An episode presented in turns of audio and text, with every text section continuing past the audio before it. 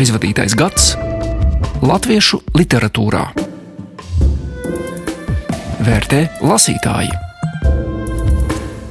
Man tas gads jau ļoti samaisies kopā ar to, cik ilgi arī bija pandēmija, un tāpēc tie visi laiki ir bezmaz vai vienlaicīgi. Man liekas, ka pēdējie trīs gadi, es, piemēram, ļoti labi atceros, kad uh, Elvīra Bloma ar izdzēstajiem attēliem tika nominēta. Tas bija pašā pandēmijas sākumā. Šis krājums man joprojām ļoti miršķi ir atmiņā.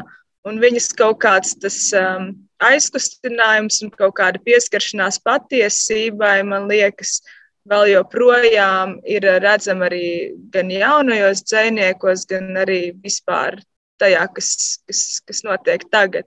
Es tā skatoties uz tieši tiem nominētajiem krājumiem, man likās vismaz trīs noteikti, kas ir Belkovskas veranda un uh, Zēgnera paradīze. Tur ir tāds vienkāršais aizkustinājums. Viņi tādi mēģina bakstīt sirdis, es teiktu, tā kā ar saviem darbiem. Vigulam tās interesantās spēles, man liekas, ir um, tik ļoti balodiskas.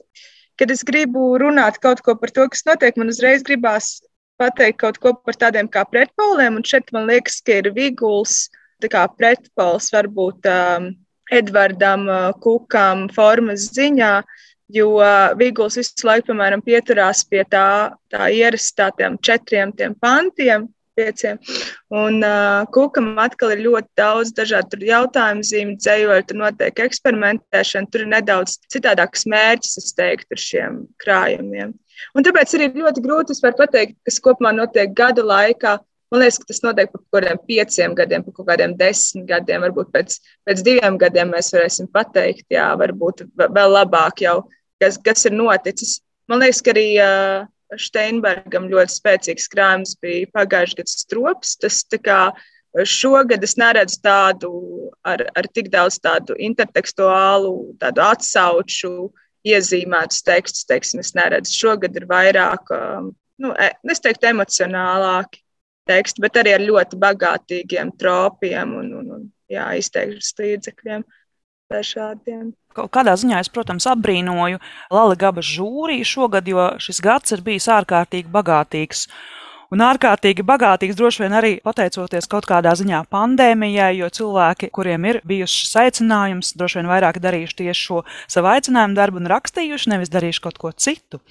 Un arī mēs savā kursā arī esam pamanījuši to, ka bija šī divkārtu vērtēšana. Un šis plašais Latvijas saraksts arī bija tas, uz ko mēs vērsām uzmanību. Arī tur, protams, bija ļoti daudz labu darbu. Un mēs savā studijā esam arī jau paspējuši apspriest gan Svena Kusmina dižāzio, gan Māra Bērziņa nākotnes kalēju, un arī dzen, Žoludes Vendenes lotas puķi un Edvarda Kuka vadus. Un arī, arī Anna Sauziņas mājoklis ir aprunāts. Tas ir kas ir no šī saraksta, kuri kāds noteikti iegūs balvas. Jāsaka tā, ka ne tikai autori, par kuriem mēs esam runājuši, bet arī, piemēram, Lauris Gundars ir mūsu pasniedzēja vidū, tā kā arī, arī viņa darbs par Gunāru Astru ir vērā ņemams. Lai arī daudz kritiķi saka, ka nu, ir par daudz, nu ir par daudz, bet man nav par daudz. Tā ir biogrāfiskie romāni. Un man ļoti patīk, ka mums ir tāda sērija, kā es esmu Un man ļoti patīk arī tas, ka ir šajā sērijā ir gan romāni, gan monogrāfijas. Es tā esmu nolēmusi, ka es gribētu izlasīt visu šo sēriju. Gan romānus, gan pētījumus.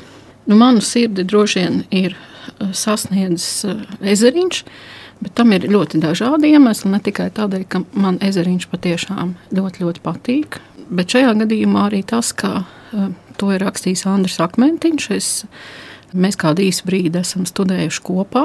Es viņu pazīstu.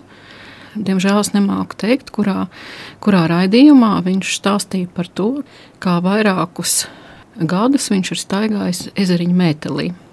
Un es to tik labi spēju iztēloties. Protams, nevar salīdzināt Andra ieguldījumu ar manu ikdienas darbu, kad es rakstu pavisam nelielus rakstu gabalus presē, bet ir tā, ka tad, kad tu tajā tēmā ieķeries, tu tiešām staigā tā cilvēka vai nu mētelī, vai kurpēs, vai vismaz viņa sapņu cepuru uzliec. Nu, no šī tāda emocionālā viedokļa man ir uzrunājis ezeriņš, bet, bet ir divas grāmatas, ko es noteikti gribētu pieminēt. Tā viena ir Ilsa Jansons uh, romāns Laika rēķins par, uh, par Ilsu Šķipsnu, un otrs ir tik, tikko iznākušais uh, Osvalda Zebra romāns Meža kāja par Gunāru Janovski.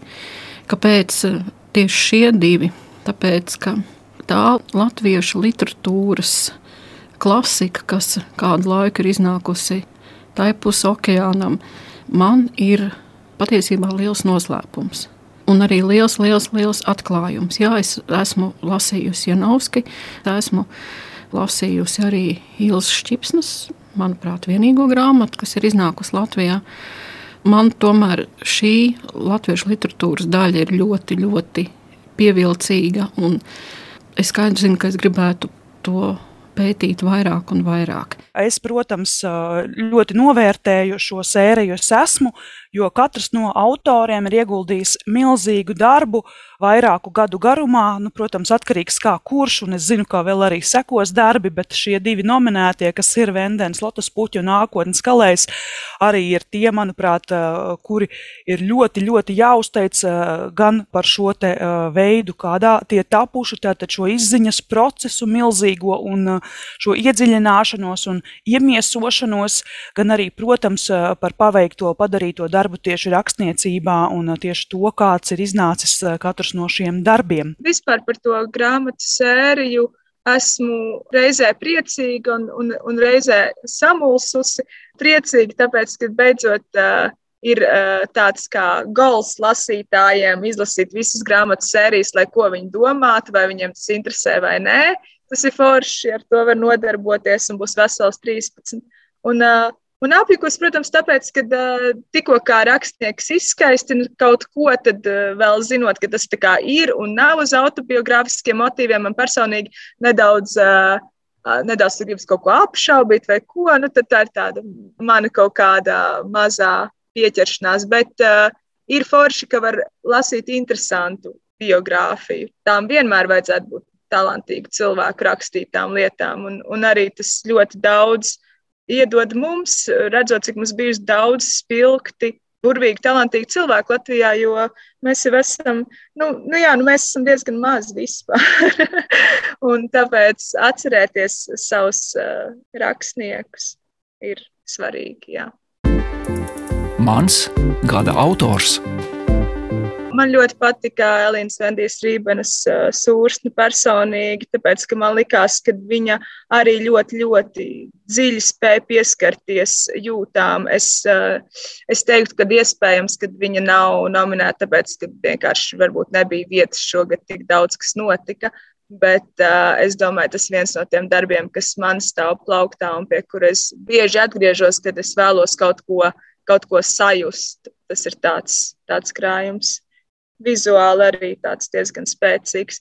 Bet varbūt tieši tā vizuālā specifika, kas uh, ir uh, sūrsnai, tie rozā burti, varbūt tie tieši novērs uzmanību pēc manām domām no viņas uh, spēcīgās balss. Kā, kā tie varēja patraucēt to lasīšanu, varbūt patraucēt to iecināšanos dzējā, un es ļoti gaidu, kas būs tālāk. Pieminēšu Kristīnu Želves Grosvaldus Bet šo grāmatu es gribētu pieminēt ne tikai dēļ šī kultūra vēsturiskā aspekta, man vairāk gribētos eh, uzteikt par, jā, par Kristīnas valodas eh, meklējumiem, eh, gan par mežģīnēm, gan par, par to valodu, kas absolūti nemaz nav mežģīnas. Un man ir bijusi izdevība ar Kristīnu parunāt par to tieši par tām tapšanas grūtībām vai, vai pieredzi mani patiešām iedvesmo tas, kā viņi strādā ar valodu. Kā viņa katram savam tēlam izveido vārdnīcu, kā viņa dzenas pēc vārda cauri dažādu, es pat teiktu, gadsimtu literatūrai. Ja? Jo es domāju, ka tas ir ļoti grūts darbs rakstīt par eh, citiem gadsimtiem, ar valodu mēģināt uzbūrt šo gadsimtu atmosfēru, un tāpat laikā nemēģināt kaut kādā veidā kopēt vai atdarināt to laiku valodu, darīt visu, lai šī valoda būtu moderna. Jā, tāpēc man uh, gribētos uzteikt uh, Grosvaldus. Mana grāmata. Kas no lasītā atstājis spilgtāko iespaidu? Jā, manifestu grāmata ir. Laika. Es gribu teikt, ka manifestu grāmata, tāpēc vien, ka es priecājos, ka ir visi manifesti kaut kur apkopoti, jo viņus ir ārkārtīgi interesanti lasīt. Man liekas, ka viņi ir spēcinoša lasām viela, īpaši tāpēc arī, kas, kas tagad notiek pasaulē un tādā garā, ka mums ir ļoti, es domāju, jābūt spēcīgiem, jāturās kopā. Mums pat jābūt dusmīgiem pēc manām domām, mazāk nekā mums ir jābūt skumjiem. Un, manuprāt, tās iedvesmojošās dusmas arī ir daudzos no tiem manifestiem, kas ir beidzot arī latviešu, kas ir, manuprāt, milzīgs darbs un viņa ir smaga, bet, bet viņu, viņu lasīt ir, ir milzīgs prieks. Man arī liels prieks bija redzēt, ka iznāca strāva žurnāls, ko ir sastādījuši vairāk šī gada nominētie cilvēki.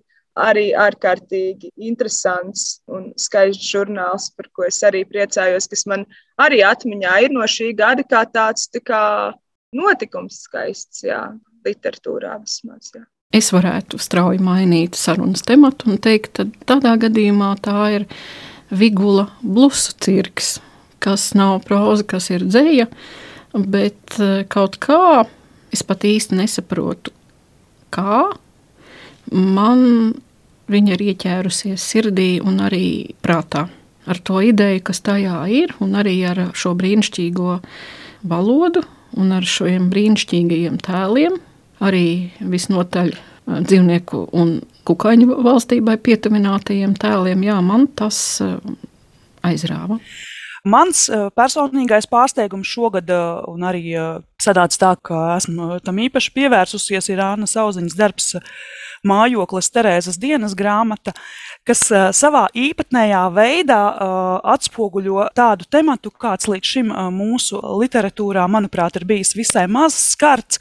Ir runa tieši par sievieti vidējos gados un viņas dzīvi, kur varbūt tādas neikdienišķi pārspriežamas lietas ir veidotas tādā pavisam ikdienišķā stilā. Un jā, tas, jāsaka, tā kaut kādā ziņā varbūt ir mulsinoši, bet es domāju, mums vienkārši laiks pierast pie tā, un noteikti, ja ir viens darbs, tad būs arī citi šāda veida darbi.